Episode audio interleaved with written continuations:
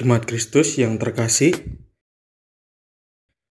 renungan untuk kita malam ini berjudul Siapa yang layak di hadapan Allah? Dan bacaan kita diambil dari Mazmur 24 ayat 1 sampai 6. Demikianlah firman Tuhan. Mazmur Daud Tuhanlah yang empunya bumi serta segala isinya, dan dunia serta yang diam di dalamnya. Sebab dialah yang mendasarkannya di atas lautan dan menegakkannya di atas sungai-sungai. Siapakah yang boleh naik ke atas gunung Allah? Siapakah yang boleh berdiri di tempatnya yang kudus? Orang yang bersih tangannya dan murni hatinya, yang tidak menyerahkan dirinya kepada penipuan, dan yang tidak bersumpah palsu.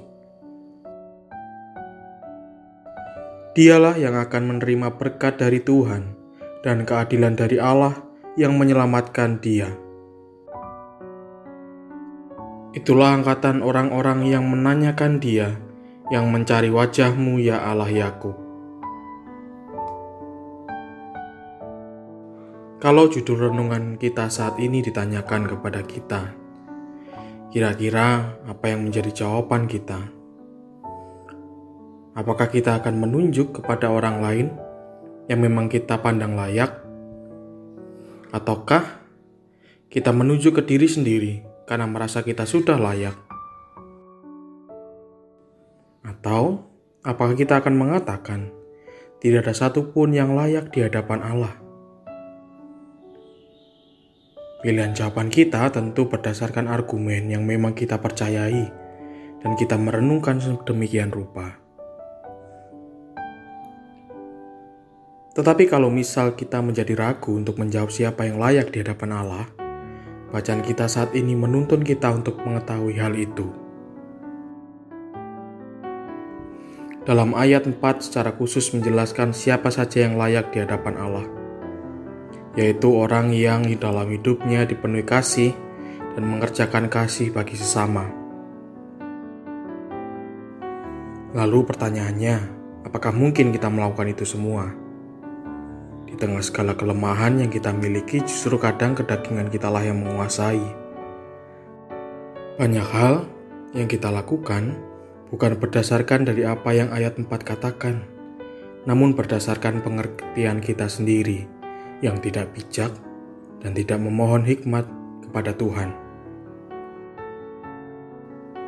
Akibatnya, kita menilai diri kita tidak layak untuk hidup dekat dengan Allah dan cenderung untuk menghindari kesempatan pelayanan ataupun belajar lebih dekat kepada Allah. Terlepas dari itu semua, kita masih punya kesempatan untuk tetap layak di hadapan Allah yaitu dengan terus berupaya memperbaiki diri. Percaya bahwa Allah tetap memberikan kesempatan kepada kita karena kasihnya yang menyempurnakan kita.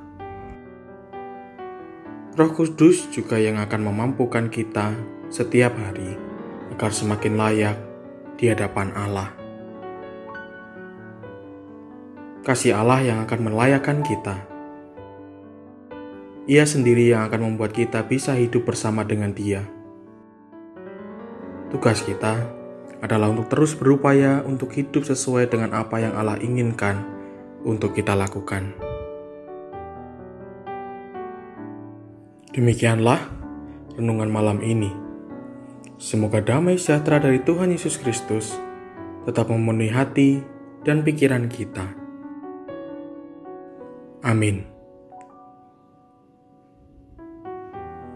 Jemaat yang terkasih, mari bersatu hati, menaikkan pokok-pokok doa yang ada dalam gerakan doa 21 GKI Sarwa Indah. Mari berdoa.